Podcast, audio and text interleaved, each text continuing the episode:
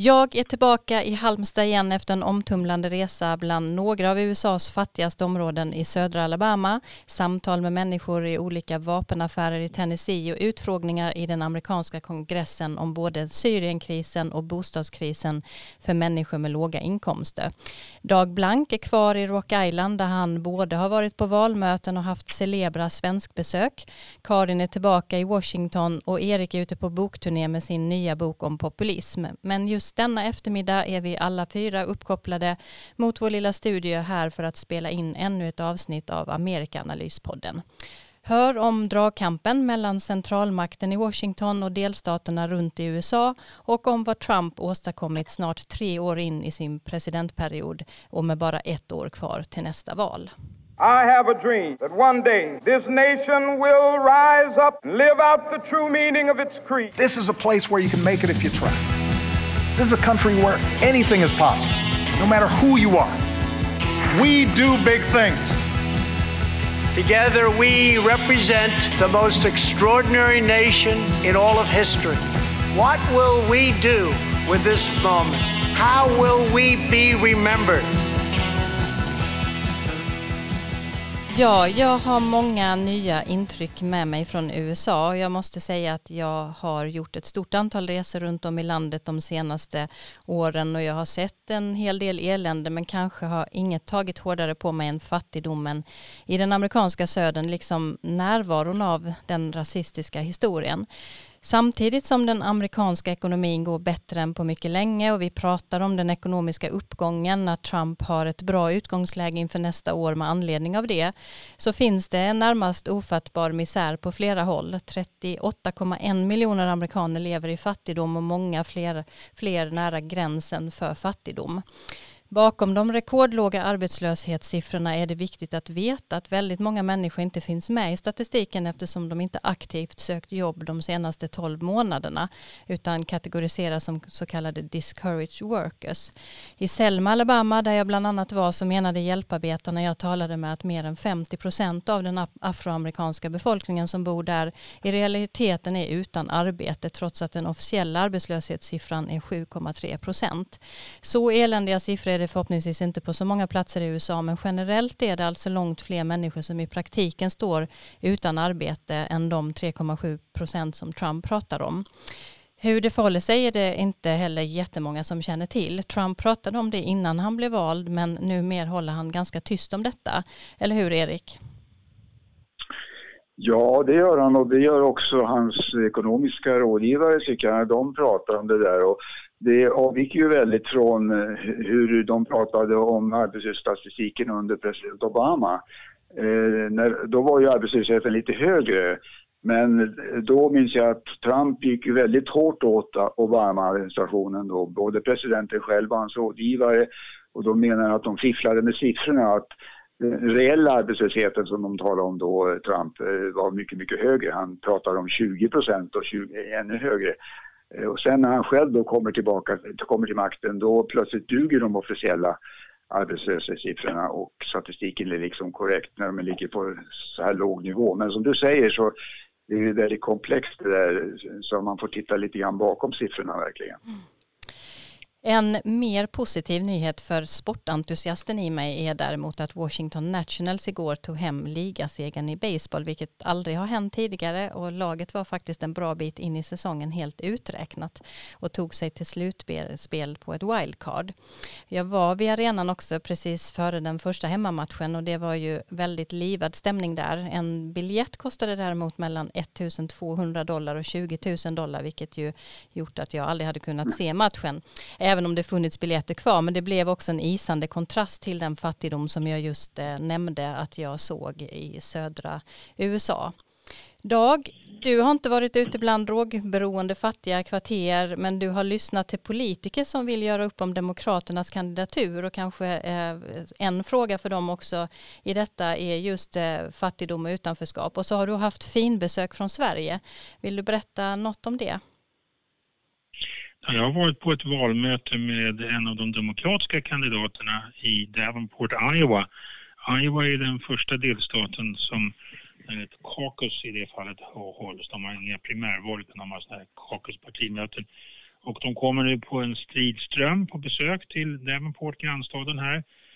Förra veckan var Biden här och Kamala Harris som jag hörde och eh, Amy Klobuchar och Julian Castro. Elizabeth Warren kommer här nu på eh, måndag tror jag. Så det var väldigt spännande som att åka och lyssna på ett sånt där town hall och hur nära man kom kandidaterna och hur hon jag tyckte hon var väldigt eh, bra, Kamala Harris, en väldigt god talare och engagerad. Men hon ligger långt efter i opinionen i Iowa, eh, ännu sämre i Iowa än hon ligger i nationellt. Så att hon har sagt att hon ska flytta till Iowa för att kunna få det där genomslaget lite grann som Jimmy Carter gjorde 1976 med stor framgång. Det var han som ja. var den första som så att säga, använde Iowa och de här lite märkliga partivalen där. Men, men jag tror inte att Kamala Harris har någon större chans. Eh, trots att hon så att säga, gjorde väldigt väl ifrån sig tyckte jag. Väldigt eh, engagerande talare och hon tog upp också frågor just om ojämlikhet och eh, ekonomiska eh, saker. Och hon talade också mycket om kvinnors rättigheter och kvinnors rätt till sin egen kropp som hon ofta återkommer till. Man kan ju faktiskt läsa lite mer av dina intryck från eh, just det valmötet på vår blogg amerikanalys.se så eh, missa inte det. Och du hade lite besök från Sverige också som du har återkommande där vid institutet som du är, eller hur? Ja, vi hade här i eh, föregående helg ett seminarium som handlade om Sverige, andra världskriget och förintelsen Eh, svenska erfarenheter därav som vi ordnade tillsammans med ett judiskt centrum här vid vårt college. Och vi hade ett antal några svenska historiker, Lars M. Andersson från Uppsala, Karin Kvist, Karl Geverts från Kungliga biblioteket och Ulf Sander från Lunds universitet som talade om de här frågorna samt Göran Rosenberg, författaren och eh, debattören eh, och som talade med utgångspunkt från sin mycket eh, fina bok som han skrev för några år sedan om sin far och hans familjs öden i, i, i Förintelsen. Och, eh, det var mycket spännande och intellektuella diskussioner som utspann sig här. Och man kan notera att de frågade sådär eh, efteråt att de tyckte det var väldigt trevligt och var fint att vara här och solen sken och så. Och så sa de att men det måste ju ha kostat ganska mycket att flyga över oss hit och det här arrangemanget, och vilket det gjorde då en del naturligtvis. Och så kom det folk, vi hade respektabel publik men de sa det är det värt det så att säga? För, för det kommer ett 50-tal personer, 60 personer och lyssnar. Och, och då fick jag förklara hur ett liberal arts college i USA fungerar och att man säger det är just det som är värt det när det gäller Eh, möjligheterna som studenter då får att lyssna och engagera sig med intressanta talare. Och kanske, jag vet inte om ni, ni, gjorde det nu, men i framtiden annars så, kan, eh, så får ni ju spela in de här eh, samtalen så att man också kan lägga ut det och våra lyssnare kanske kan höra det på något sätt. Erik, du har haft fullt upp med din angelägna bok om populism vet jag, som du har skrivit tillsammans med Martin Gelin och som vi har nämnt inne, här innan, men som vi också ska diskutera i ett poddavsnitt inom kort. Men hur har mottagandet varit? Hur ser intresset ut för det här? Det har varit eh, bra. Jag är kanske inte helt objektivt vittne här men det har varit eh, fullsatt faktiskt på många håll eh, när jag har varit ute och ja, intresse i form av frågor och boksigneringar efteråt och sånt där. Det har ju också, Karin har ju varit inne på, på precis samma spår som jag med sin bok om alla presidenterna. Eh, så att det har varit väldigt trevligt och det fortsätter faktiskt ett tag till. Det är ju ett, det, kort, säsongen för nya böcker blir ju kortare och kortare för varje, varje år som går men eh, åtminstone fram till ja, allhelgon, allhelgen och kanske lite bortom den kommer jag väl att hålla på. Så att det, det är kul. Jag hoppas också att Martin Gelin som ju är kvar i New York nu att han ska kunna komma med på åtminstone något eller något några utav de här återstående eh, bokpresentationerna. Eh, jätteintressant och vi ska som sagt komma tillbaka till det men man kan ju också faktiskt eh, eh, googla och se om eh, ni är någonstans i närheten av där man bor. Så ett tips för det är att se om Erik är någonstans i närheten och prata om sin bok. Karin, du är tillbaka i Washington. Det var svensk sommarvärme när jag lämnade för bara några dagar sedan. Är det fortfarande det och, och vad händer just nu? Nej, det är väl, ja det är, det är milt men det är lite blött och eh, höstlöven, ja det är på gång att bli så kallade peak colors när det blir som allra vackrast. Men det är ju en, eh, får man säga, lite sorglig eller historiskt tung dag här. För representanthuset har ju röstat om att formellt eh, sätta igång eh, riksrättsprocessen. Eller rättare sagt eh, fastslå reglerna för vad som ska gälla nu. Det är alltså inte riksrättsåtal ännu, men talmannen Nancy Pelosi har sagt att jag tror att vi har nog. Men eh, så snart de hade röstat och det var helt efter partipiskornas vinande det var, ingen, det var två demokrater som röstade emot och det var ett par med fler än vad man hade trott, eller vad säger jag nu? Det var ett par färre än vad man hade trott. Och det var ingen republikan som röstade för. Och så snart de hade röstat så kom det ett uttalande från Vita huset där man nästan kan gissa att Donald Trump har skrivit, eller i alla fall varit med om att formulera det hela själv. Det börjar med “The president has done nothing wrong and the democrats know it”. Mm. Så nu börjar det. Nu börjar det. Och vi ska innan vi avslutar idag lite kort i, i slutet av programmet återkomma till vad det är, vad vi kan vänta här eh, den närmaste tiden och hur vi ska förstå det här. Men nu ska vi fördjupa oss i en fråga som är lika gammal som landet USA. Förhållandet mellan den federala centrala makten i Washington och de 50 delstaterna. Ämnet har aktualiserats på allvar i och med motsättningarna mellan Donald Trump och Kalifornien, en delstat som har en demokratisk dominans på alla nivåer. Trump-administrationen försöker få inflytande över i synnerhet klimatpolitiken genom att stoppa Kalifornien från att ha strängare regler för bränsleförbrukning i bilar och ge klartecken till till oljeexploatering utanför kusten. Och detta sker ju dessutom i ett läge då katastrofala bränder som vi har sett på nyheterna de senaste dagarna rasar i delstaten ända in i Los Angeles med varningar från både politiker i Kalifornien och miljörörelsen om att brandfaran ökar i och med växthuseffekten. Så vad kan då delstaterna bestämma över själva och vad beslutas från Washington? Det ska vi prata om lite här. USA är ju en federation av 50 delstater och ett antal territorier territorier. Landets styrelseskick präglas av federalism och kampen om var besluten ska ligga återkom också ständigt i den politiska diskussionen. Men vad betyder egentligen det och hur fungerar det? Så Dag, vi börjar med dig. Vad är egentligen federalism?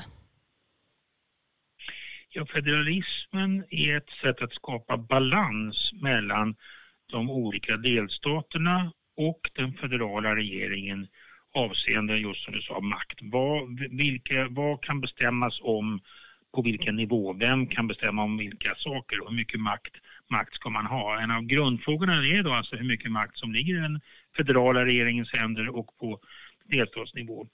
Och eh, det är en viktig fråga när man tittar på amerikansk historia så kan man se samspelet mellan eh, de här maktnivåerna som ett intressant sätt att läsa den amerikanska historien, när, hur det har förskjutits över tid. Och ofta används eh, den här balansen som ett sätt att förklara händelser i amerikansk historia. Varför blev USA en, eh, just en federation? Ja, från början så var USA en mycket löslig sammanslutning av 13 delstater med en mycket svag centralmakt. Det var det som uppstod efter självständigheten 1776 så antogs den första eh, konstitutionen som kallades för Articles of Confederation, alltså en konfederation. Och eh, Articles of Confederation, det var, alltså man kan säga det saknades nästan en centralmakt där. Nästan all makt låg till de olika delstaterna. Och det var ju som en konsekvens av erfarenheterna som man hade haft under eh, den koloniala perioden med den brittiska centralmakten. Man, man bröt sig loss från det brittiska imperiet och reagerade väldigt starkt mot, sen som man uppfattade centralstyrningen från Storbritannien. Så när man själv då blev eh, självständigt så, så gjorde man allt för att minska centralmaktens betydelse. Eh, däremot så kan man se att efter några år så insåg man att det fungerade helt enkelt inte, att det behövdes en centralmakt. Det behövdes någon typ av starkare central styrning för det här nya landet. Och man möttes till det berömda konstitutionskonventet, Constitutional Convention i Philadelphia 87 för att revidera dessa Articles of Confederation. Eh, istället så för en revision så uppstod en helt ny konstitution faktiskt kan man säga där den nuvarande konstitutionen tog form och där förhållandet mellan de här delstaterna och, mellan delstaterna och eh, centralmakten regleras på olika sätt. Man hade också, ska man poängtera, det har varit en, ett uppror i västra Massachusetts, Shays Rebellion, Shay-upproret det var en skatterevolt som skrämde politikerna när liksom folket stod upp och då insåg man att man behövde någon typ av mer, mer centralmakt. Och då kommer, så att säga, som ett svar på det så kom den nuvarande konstitutionen där det skapas en exekutiv makt, där det skapas en federal nivå som egentligen saknades tidigare i, i, i systemet. Hur har det sett ut sen framåt, kanske framförallt under 1900-talet?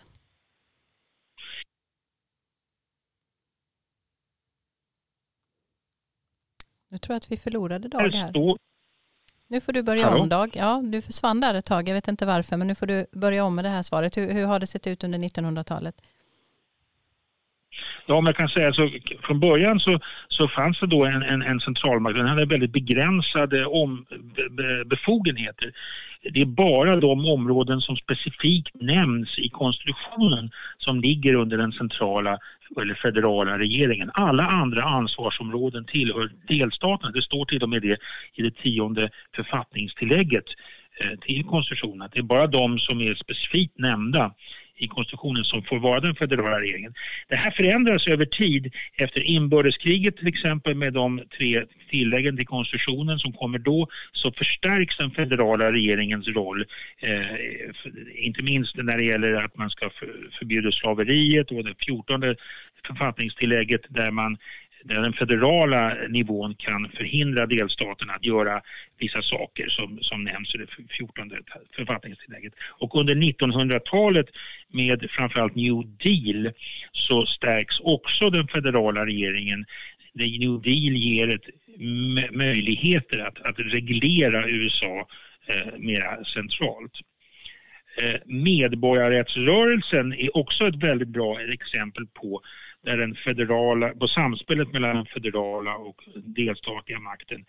Vi minns till exempel eh, försöken efter utslagen i, i Högsta domstolen som eh, eh, först gör att man måste sluta med segregering i skolor och på universitetsnivå. Så de försök att integrera universiteten och skolorna till exempel som görs framgångsrika till slut i, de, i sydstaterna under slutet på 1950-talet, 1960-talet. Där sydstaterna, delstatsnivåerna, försöker motsätta sig eh, de här integreringsförsöken men där det till slut blir den federala regeringen som går in och säger att nu kommer det att ske. Och eh, det finns ett berömt, eh, den berömda bilden från 1963 där guvernör Wallace i Alabama står på trappan och försöker fysiskt förhindra två svarta studenter att, att, att skriva in sig vid delstatsuniversitetet. Och då den federala regeringen under president Kennedy federaliserar Alabamas nationalgarde. Och det blir en federal en federal eh, myndighet eller under federal kontroll och de tvingar guvernören att acceptera att de här svarta studenterna får, får träda in. Så där ser man en väldigt tydlig direkt illustration till samspelet mellan det federala och det delstatliga där det federala då så att säga vann, ut, flyttade fram sina positioner. Kan man säga... Sen kan man säga också att Sen kan man kanske bara lägga till att under, från och med 1980 och framåt under de konservat med den konservativa revolutionen under Reagan och så vidare så har den federala regeringen eh, tagit några steg tillbaka igen. Då har i många, på många områden initiativet gått tillbaka till delstaterna.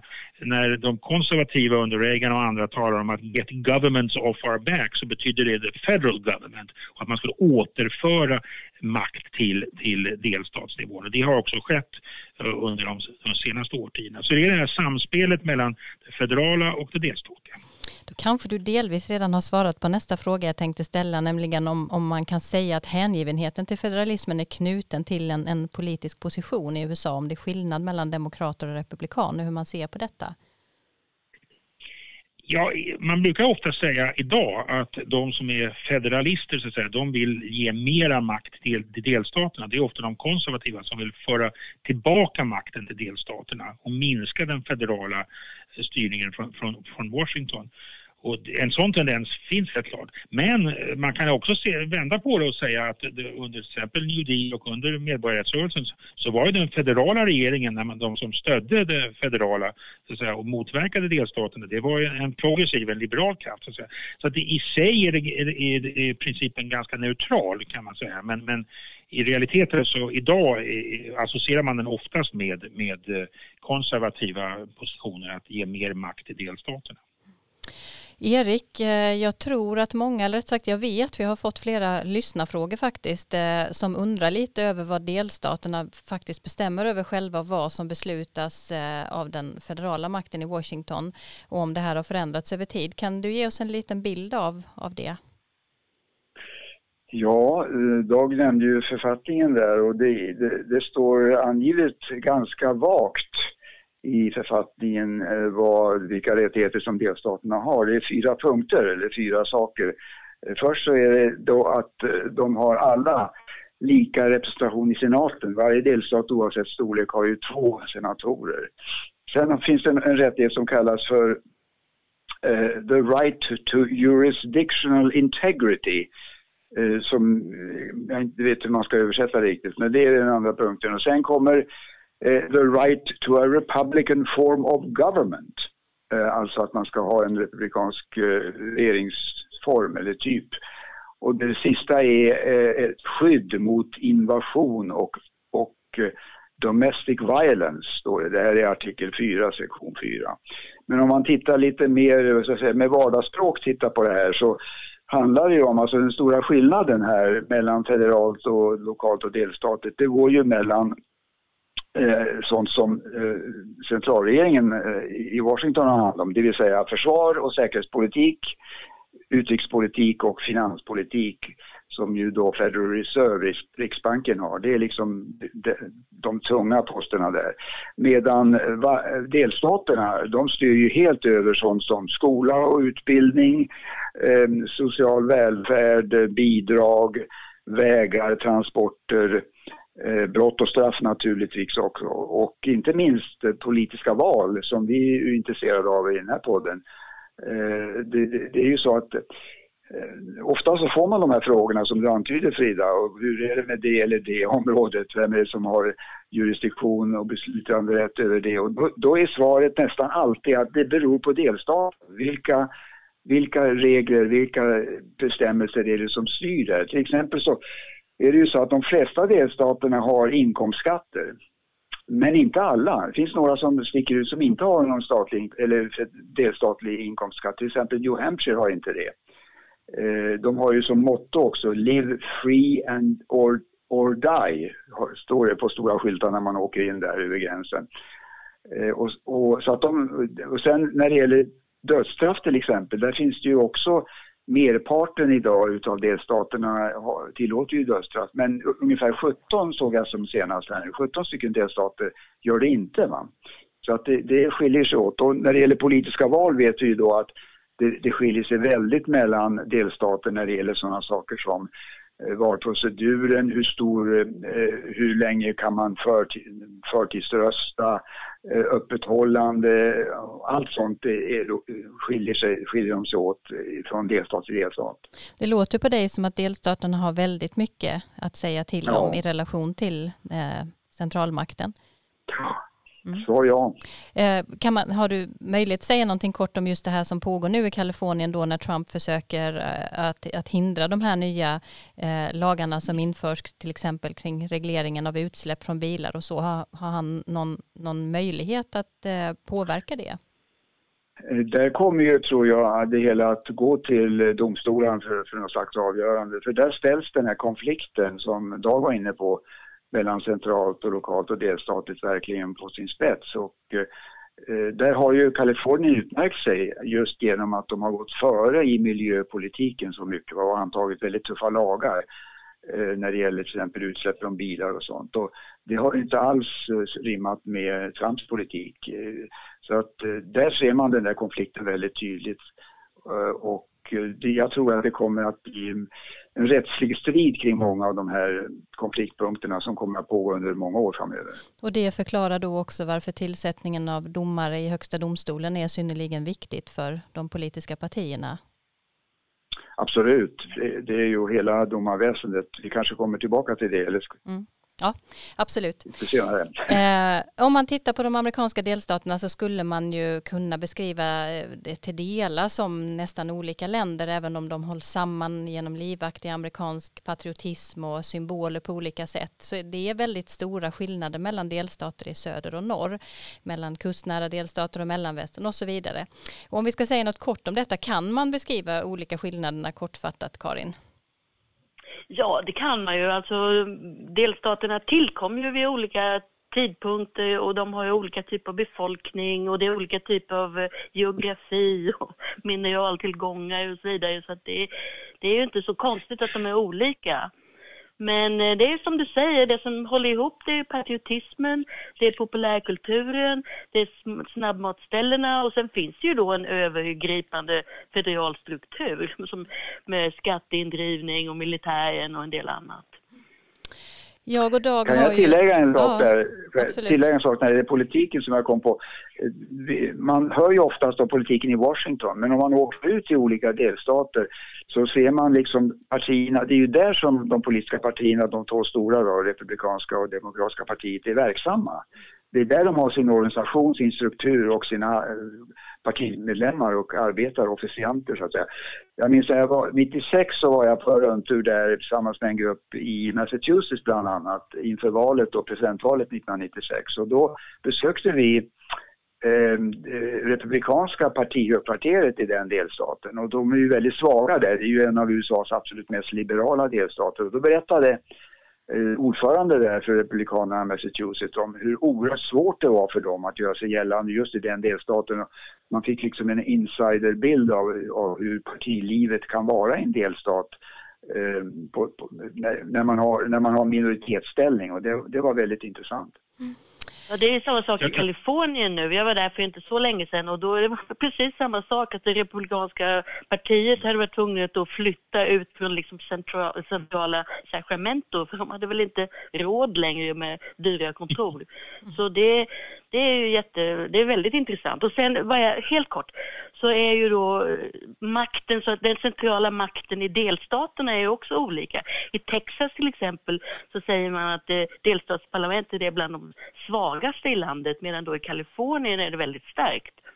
Mm. Ja. Jag kan lägga till från Illinois horisont också just hur vikten av vad delstaterna beslutar om. Utbildningspolitik som Erik nämnde här ligger under delstatlig domvärj och här har vi då haft en, en i Illinois finns ett stipendieprogram för studenter från Illinois som läser vid universitet i Illinois och när det stipendieprogrammet frös inne på grund av att delstatsförsamlingen inte kunde enas om en budget, Illinois gick utan budget i drygt ett år, då försvann de här stipendierna och de studenterna på det college som jag talar från nu förlorade de här eh, stipendierna och blev oerhört stora konsekvenser för deras ekonomi och deras möjlighet att studera vidare och eh, för deras föräldrar naturligtvis som, som hjälper dem med pengar. Så där ser man ett väldigt konkret exempel på vad delstatsnivån kan få stora, för stora konsekvenser för vardagslivet för många människor. Och just eh, att studera vid universitet och college är centralt och finansieringen av det är så väldigt centralt i det här landet. Du och jag Dag har ju befunnit oss i väldigt olika delar av USA den senaste månaden. Eh, du är fortfarande i Illinois och jag har ju då varit i Alabama och Tennessee bland annat som är en del av den djupa amerikanska södern. Och de skillnaderna mellan dessa olika delar är ju ett bra exempel på just eh, de här stora skillnaderna som det kan vara. Ehm, har du något eh, du kan beskriva om Illinois som du tycker är kännetecknande och viktigt? Ja, Illinois är ju en, en, en delstat i mellanvästern Eh, med ungefär idag 12 miljoner invånare. Eh, domineras helt av Chicago eller Chicagoområdet, Stor-Chicago, Chicagoland som man säger. Kanske mellan 7,5 och 8 miljoner personer av Illinois 12 miljoner personer bor just i Chicagoområdet. Det är en stor industriell delstat med klassiska industrier men också en jordbruksdelstat eh, Eh, stora eh, fält här av, av, av prärie och, och slättmark med stor produktion av majs och eh, annan, annan jordbruks, andra jordbruksprodukter. Det har dominerats av immigrationen naturligtvis från Europa och från hela världen och idag kan man se att eh, delstaten har ungefär 63 procent är vita, 15 procent är svarta, latinos 16 procent ungefär och eh, asiater 5. Så på det sättet reflekterar Illinois ganska väl hela USA. Tittar man på Chicago då som är så viktigt i, i Illinois och, eh, så är det en helt annan bild. Där är det faktiskt så att idag är Chicago, den vita befolkningen utgör en tredjedel, den svarta en tredjedel och latinos ungefär en tredjedel av Chicagos befolkning. Och Chicago har ju också nu en svart kvinnlig borgmästare Eh, som, som, som styr i Chicago. Så på det sättet är det en, en, en, lite grann ett mikrokosm av USA när det gäller den demografiska och Eh, sammansättningen och eh, den, liksom en tra traditionell klassisk delstat när det är både jordbruk och industri. Men också en delstat som har drabbats i vissa avseenden svårt av den industriella tillbakagången. Rostbältet som man brukar tala om i Michigan till exempel finns också ett rostbälte i Illinois. Vad det däremot inte reflekterar är den liksom, politiska bilden i USA idag. Det var länge en sån här bellwether state som man talade om, att som Illinois röstade, röstade landet. Idag är det inte så. Idag röstar Illinois demokratiskt och domineras av det demokratiska partiet. Mm. Alabama är ju då något helt annat och tillhör den djupa södern som jag sa med det politiska arv som kännetecknar de staterna. Ehm, man ehm, blev en del av unionen 1819 men man var också en av de som trädde ur eh, 1861 fram till inbördeskrigets slut. Idag finns det 4,6 miljoner invånare i Alabama och 70 procent av dessa är vita och drygt 25 procent är afroamerikaner. Ehm, I huvudstaden Montgomery är däremot en majoritet eh, afroamerikaner eh, och Montgomery liksom Selma är ju historiskt viktiga platser, ehm, bland annat eh, från den bussbojkott som Rosa Parks var delaktig i 55 och som var en del av det som inledde medborgarrättsrörelsen och som ju då också har kommit att betyda väldigt mycket för den färgade befolkningen. De största städerna är Birmingham och Huntsville och det mest påfallande tycker jag var skillnaden skillnaderna just mellan stad och land i Alabama eh, vad det gäller inkomstskillnader och levnadsstatus där städerna ju då signalerar välstånd och modernitet. Huntsville är ju en stad som också drar till sig väldigt mycket internationella företag eh, och teknikutveckling medan landsbygden och i synnerhet då de afroamerikanska områdena präglas av omfattande fattigdom. Men den berör även många vita på landsbygden eh, som nu med till stora delar då står utan jobb som jag nämnde, bland annat i Dallas County. Medellivslängden där är faktiskt bara 60 år och bostadsförhållandena alldeles förfärliga. Eh, också väldigt hårt drabbat av opioidkrisen och andra droger. Eh, så att vara i städerna och landsbygden är som två olika världar. De som har lyckats däremot även i södern är ju de som är då är markägare och det finns en, ett stort jordbruk och djurhållning eh, eftersom det har ett väldigt gynnsamt klimat eh, på, för eh, olika typer av grödor. Det är en Eh, republikansk majoritet eh, och det har det varit sedan 1997 eh, i de olika eh, delarna. Det är 78 republikaner och 28 demokrater i delstatsparlamentet. Och senatorerna från Alabama har också varit då från 97 republikaner. Men förra året så vann ju då eh, Doug Jones ett fyllnadsval som väckte väldigt stor uppmärksamhet. Däremot så eh, var få jag pratade med övertygade om att han skulle lyckas bli omvald, eh, vilket ju blev väldigt spännande att se.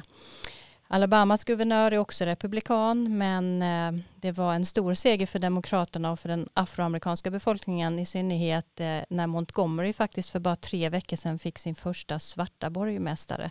Om det vittnar om någon politisk förändring i de delarna av Alabama är ju väldigt svårt att säga men det betyder ju eh, väldigt mycket för många där. Eh, det här är ju en av de delstaterna som har kanske haft en kraftigaste, en, en av de kraftigaste konservativa svängningarna eller utvecklingarna eh, sen en tid tillbaka och e har ju blivit uppmärksammad också för sina hårda abortregler, bland annat där abort sen i maj då är förbjudet i nästan alla sammanhang inklusive incest och våldtäkt och där läkare som utför abort kan dömas till uppemot 99 års fängelse. Och väldigt många människorättsaktivister jag träffade pratade just både om det men också om eh, hur förhållandena för afroamerikaner ser ut och hur de ofta drabbas av orättfärdig behandling eh, och hur rasismen liksom sitter i strukturen i Alabama. Samtidigt träffade jag hängivna Trump-anhängare som oavsett vad presidenten gör eh, ger honom sitt fulla stöd och tycker att han är, har levererat inte minst vad det gäller när det gäller vapenfrågan, gränspolitiken och tillsättningen av konservativa domare då. Och det var entydigt så att man tänkte rösta på honom igen. Så en eh, en väldig mix eh, av fattigdom och välstånd i städerna och en starkt präglad republikansk eh, delstat. Ja, det finns jättemycket att säga. Vi får säkert anledning också att komma tillbaka till andra delstater eh, som vi har besökt på olika sätt eh, genom åren. Det finns väldigt många spännande platser att besöka i USA och eh, som ger väldigt olika upplevelser och erfarenhet. Men eh, federationen, om vi ska gå tillbaka till den, så handlar den ju om spänningar mellan den federala makten och delstaterna. Men det handlar också om spänningar delstaterna emellan. Och var tionde år genomförs en folkräkning i USA och resultatet av denna så kallade census har väldigt stor betydelse. Både för delstaternas representation i kongressen och därmed också i elektorskollegiet som i själva verket väljer presidenten och som underlag för fördelning av federala bidrag som faktiskt uppgår till enorma belopp. Kan du berätta om bakgrunden till census, Karin? Ja, som, som du sa så finns det med i författningen och eh, den första så kallade census ägde rum 1790. Då bodde det knappt 4 miljoner människor i de här 13 kolonierna vi talar om och allra flest i Virginia, 750 000.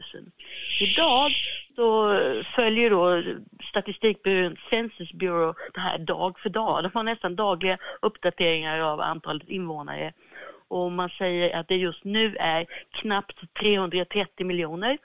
Och störst eller folkrikast delstat är Kalifornien, 40 miljoner, följt av Texas 29 miljoner, Florida 22 miljoner och New York med 19 miljoner.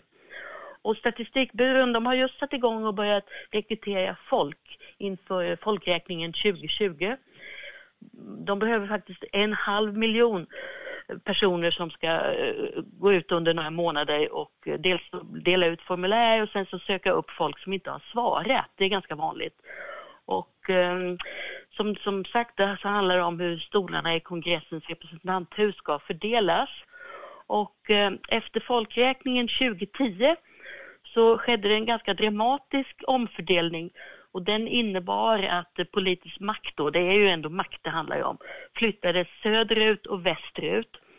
Och de, bland de stater som förlorade platser i kongressen så fanns New York, Pennsylvania, Ohio och Illinois, det vill säga den typ av delstater som vägde oerhört tungt, eh, till exempel på 1800-talet i slutet med industrialiseringen och framåt. Och bland de stater som fick fler platser så kan man nämna särskilt Florida och Texas, liksom Nevada, Arizona och New Mexico. Alltså solen skiner där och folk vill flytta dit. Och eh, prognoserna nu framåt, nästa år, tyder på att den här eh, eh, trenden kommer fortsätta. Det blir fler stolar från för, som representerar Texas, Florida, Arizona men också North Carolina och Colorado. Och de två sistnämnda då är intressanta för Demokraterna tittar på dem och tror att det kan bli swingstater på allvar i framtiden. Men förlorarna, de förblir de samma. New York, Pennsylvania, Ohio, Illinois men också Minnesota och eh, Fridas stat här, Alabama. Det kan man ju kanske spekulera i vad det beror på. Att det är en flykt då från de här eländiga villkoren kanske till storstäder som inte ligger så långt bort. Men som sagt, det här betyder ju då att elektorskollegiet också förändras när nästa presidentval stundar, det vill säga 2024. Och då kommer då Florida, som vi ju alla har följt nu i alla år, alla presidentvalår, kommer få ännu större vikt. Och sen så sägs det också i författningen att varje valkrets ska ha lika många invånare. Och idag är det drygt 700 000 och det ska jämföras med 30 000 i slutet av 1700-talet. Men eh, även de delstater som har mindre befolkning, och då talar man i särskilt, särskilt om Wyoming, de garanteras minst en stol i representanthuset. Och eh, utöver den här enda ledamoten då i representanthuset så har de här staterna, de är sex stycken som har så liten befolkning, två senatorer. Så det vill säga att en röst i Wyoming är då mycket, om, om man vill ha stort politiskt inflytande så ska man flytta till Wyoming och inte bo i Kalifornien. Mm. Jag vet också för ett researcharbete jag har gjort i ett bokprojekt jag håller på med att det här med 700 000 i ett distrikt är ju också i internationell jämförelse en enorm mängd eh, människor som en, en person representerar. Eh, så att det sticker verkligen ut också eh, jämfört med internationella eller andra länder eh, ja. internationellt. Jämför med Sverige, vi har ju mm. 349 har jag på 10 miljoner människor. Mm, precis. Eh, ja, tiden eh, rusar iväg. Vi eh, går vidare.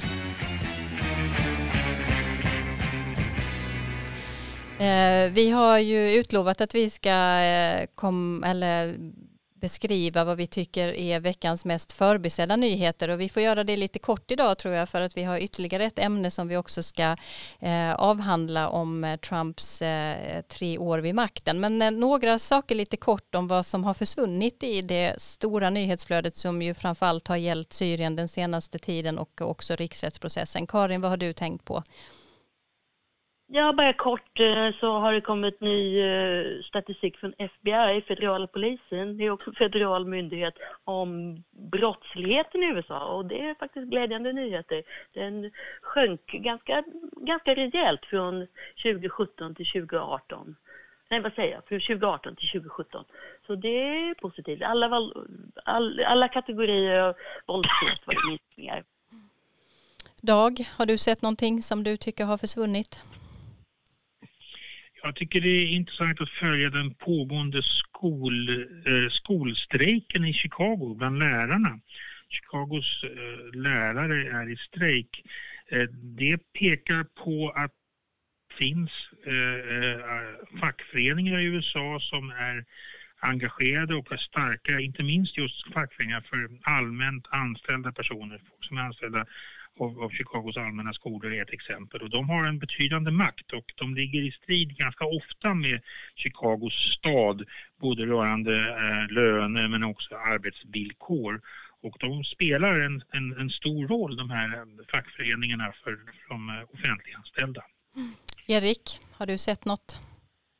Ja, ja, det här är en sak, ekonomi tänkte jag bara nämna kort. Det är något som jag varit inne på tidigare tror jag, men, men nu kom det Eh, Eh, siffror här över underskottet i USAs statsbudget för budgetåret 2019 och det uppgår då till 984 miljarder dollar.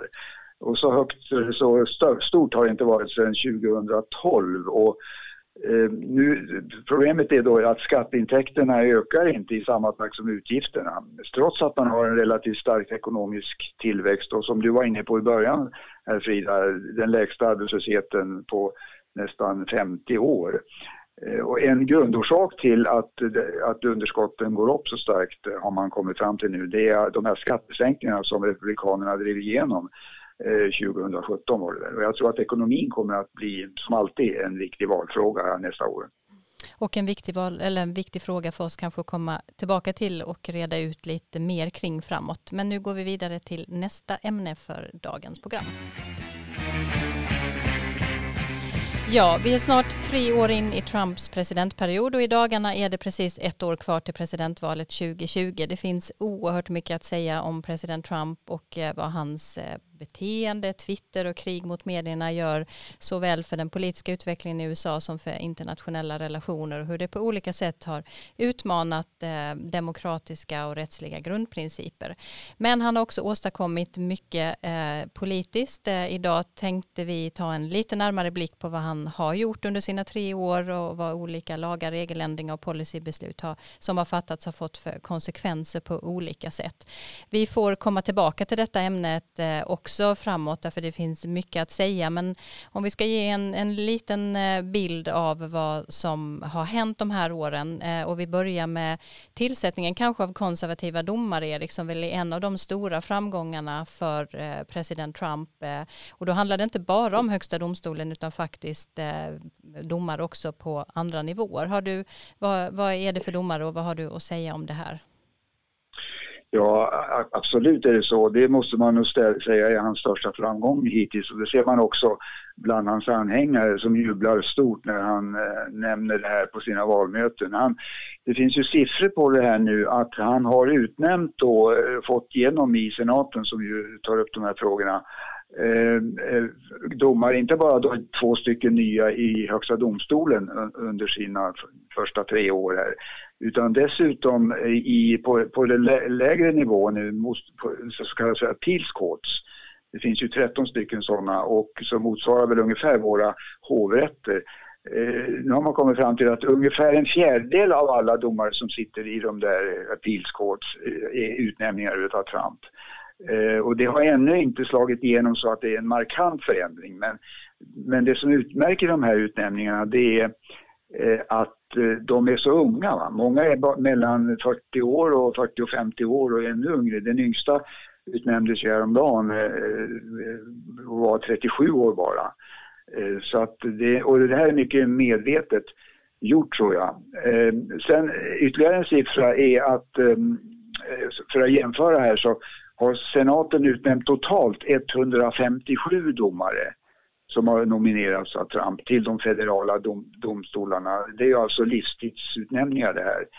Eh, och, eh, och där ingår då de här två till Högsta domstolen som jag nämnde. Eh, det är ungefär lika många som skedde under George W Bush och under Bill Clinton men det är drygt 40 procent fler än vad president Obama lyckades med. Han hade 110 stycken sådana här utnämningar som han hade fått igenom vid samma tidpunkt, alltså 110 jämfört med 157 för, eh, för Trump. Och det här grundar sig då i en väldigt eh, medveten strategi eh, som senatsledaren Mitch McConnell Eh, har, har använt. Egentligen började han använda det här redan under president Obama. Vi kommer ihåg att han stoppade ju president Obamas utnämning eh, till Högsta domstolen i mars 2016 var det under eh, Obamas sista presidentår så, så blev det en vakans som Obama utnämnde, utnämnde en domare men som aldrig togs upp till behandling i senaten. Eh, och McConnell sa då att man kan inte ha en sån här, göra det här i ett valår sa han och satte liksom streck för det. Eh, och, men, men sen har han då gått på väldigt starkt och, och trumfat igenom det här. Han har ändrat debattiden såg jag också. Tidigare så debatterade man varje för, domar, förslag till domare i senaten i upp till 30 timmar. Nu har han bestämt att man bara debatterar i två timmar varje förslag. Vilket ju är en väldig förändring. Va? Man kan också säga allmänt om de här juristerna som det gäller som man har utnämnt. De kommer nästan alla är på förslag ifrån den här fören eller organisation som kallas för The Federalist Society. Det är alltså en, en organisation som består av konservativa jurister som tolkar konstitutioner bokstavligt kan man säga och väger inte in några andra synpunkter utan och det, det så att det, det, är en väldigt så säga, enhetlig domarkår som, som han har lyckats få igenom här. Eh, man kan också nämna att e, e, en handfull, jag tror det är fem eller sex utav de här utnämningarna som Trump har nominerat har fått negativa och avslagsyrkanden ifrån the American Bar Association, alltså USAs motsvarighet till eh, advokatsamfundet kan man väl säga.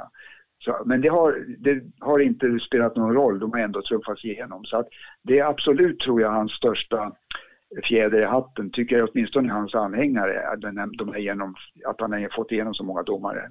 Och som kommer få stor betydelse för lång tid framåt. Ja, mm. Om vi går över till den amerikanska ekonomin och jobben, Karin, vad, vad, kan man säga om detta nu eh, så här tre år in i presidentperioden? Ja, Donald Trump säger ju själv att eh, ekonomin har aldrig varit lika stark som nu och det eh, har varit ett, eh, kommit ännu ett exempel på att han, hans måttstock är annorlunda nu än vad den var när han eh, inte var president. Han då för några år sedan, 2012, så sa han att 1,9 procents tillväxt var uselt. Men nu så visar ju de senaste siffrorna över bruttonationalprodukttillväxten att just nu uppgår den till 1,9 procent och då är det som sagt den starkaste ekonomin någonsin. Men det är låg arbetslöshet som vi har varit inne på. Det är rekord på börsen och det är ett visst upp en viss uppgång i löneläget, vilket ju är nytt. Det har ju, de har ju stagnerat sedan 70-talet, lönerna. Men då är det många som invänder och säger att eh, börsen är inte ekonomin och jobben är fortfarande då till stor del de här låglönejobben utan så kallade förmåner då, vill säga sjukvård och, eh, och skydd överhuvudtaget, anställningsskydd. Och eh, så vi, det, det, är som sagt, det, har jag hela tiden sagt att det är hans eh, absolut största fördel inför valet nästa år. Men då är det många kritiker som tittar liksom på, närmare på, på statistiken och kommer fram till att ja, allt det här jag lovade det skulle bli på nyttfödelse för kolbranschen och tillverkningsindustrin och det stämmer inte. Och eh, alla journalister i hela världen kommer förmodligen åka till de här delstaterna där han vann, alltså Pennsylvania, Wisconsin, Michigan, för att höra sig för. Nå, för ni brukade rösta demokratiskt, nu röstade ni på Trump 2016, vad händer nu då? Har ni fått det bättre? Och det är inte alla som kommer att svara ja på det. En annan sak som många upplever att Trump eh, gjort är att han har varit tuff mot immigranter, han har infört nya regler och praktiker. Det senaste är nu, om jag förstod saken rätt, att man ska börja sända asylsökande från olika länder som kommer till, till USA till Guatemala enligt en överenskommelse som slutits mellan länderna. Eh, och Trump har väl eh, lyckats eh, få loss vissa resurser för att bygga en mur mot Mexiko även om vi inte kanske ser så mycket av den fysiska muren ännu. Jag eh, har inte själv varit på plats för att se hur det ser ut. Men eh, vad säger du om allt detta Dag, eh, immigra immigrationspolitiken och eh, allt som händer i detta? Det har ju varit, det var en av hans paradgrenar så att säga. Han har ju hela sin karriär, även innan han gav sig in i politiken, spelat på eh, känslor eh, om mot, motstånd mot immigranter och mot etniska och rasliga minoriteter på olika sätt. Och där har han, det fortsätter han ju att göra. Han, han gör dessa uttalanden bland annat i sina tal utfall mot, mot eh, rasistiska utfall mot, mot eh, olika personer och institutioner och så vidare. Och det är säkert, det är någonting naturligtvis som går hem hos hans, hos hans väljare på det sättet. Vad som sen rent faktiskt har skett, det, det har ju blivit en skärpning av, av i migrationspolitiken. Han fick ju igenom ett eh, försök att minska eller förbjuda invandring från vissa länder i inresa, ska jag säga, från vissa muslimska länder. Det var ju det som han började med, som han stötte på patrull med i domstolarna.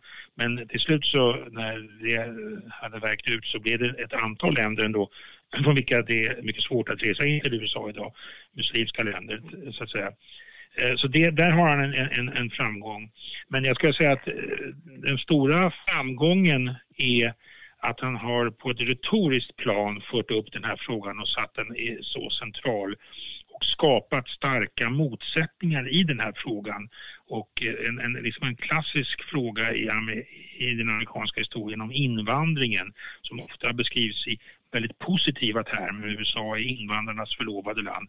Han kommer med en helt annan berättelse, ett helt annat narrativ som man säger om, om invandring som något farligt, invandring som något negativt. Dessutom har han då starkt bidragit till att stärka motsättningarna mellan de olika rasliga grupperna i landet, framförallt de vita och de svarta. Också ett, ett, ett oerhört djupt sår, ska vi säga, i den amerikanska historien, det amerikanska dilemmat om man talar med Gunnar Myrdal där presidenter då för det mesta har försökt att eh, balansera och inte öka motsättningarna. Men det måste man nog säga att det har, de motsättningarna har ökat genom president Trumps retorik. Mm. Eh, det är ju väldigt många av hans väljare som eh, eh, hela tiden återkommer till att, åtminstone de jag har pratat med i olika delar av USA, att han levererar, han har gjort det han ska och vi har hört några exempel på det som man då också ifrån hans väljare tycker att han har varit framgångsrik. Men kan vi säga någonting väldigt kort om vad han inte har gjort som han lovade att han skulle göra? Karin? Ja, man kan ta sjukvården. Han sa på sina valmöten att det skulle bli bättre och billigare plus att han lovade att avskaffa då den av republikaner så hatade så kallade Obamacare, det vill säga Barack Obamas vårdreform. Men där har vi inte sett så mycket praktiskt i praktisk handling.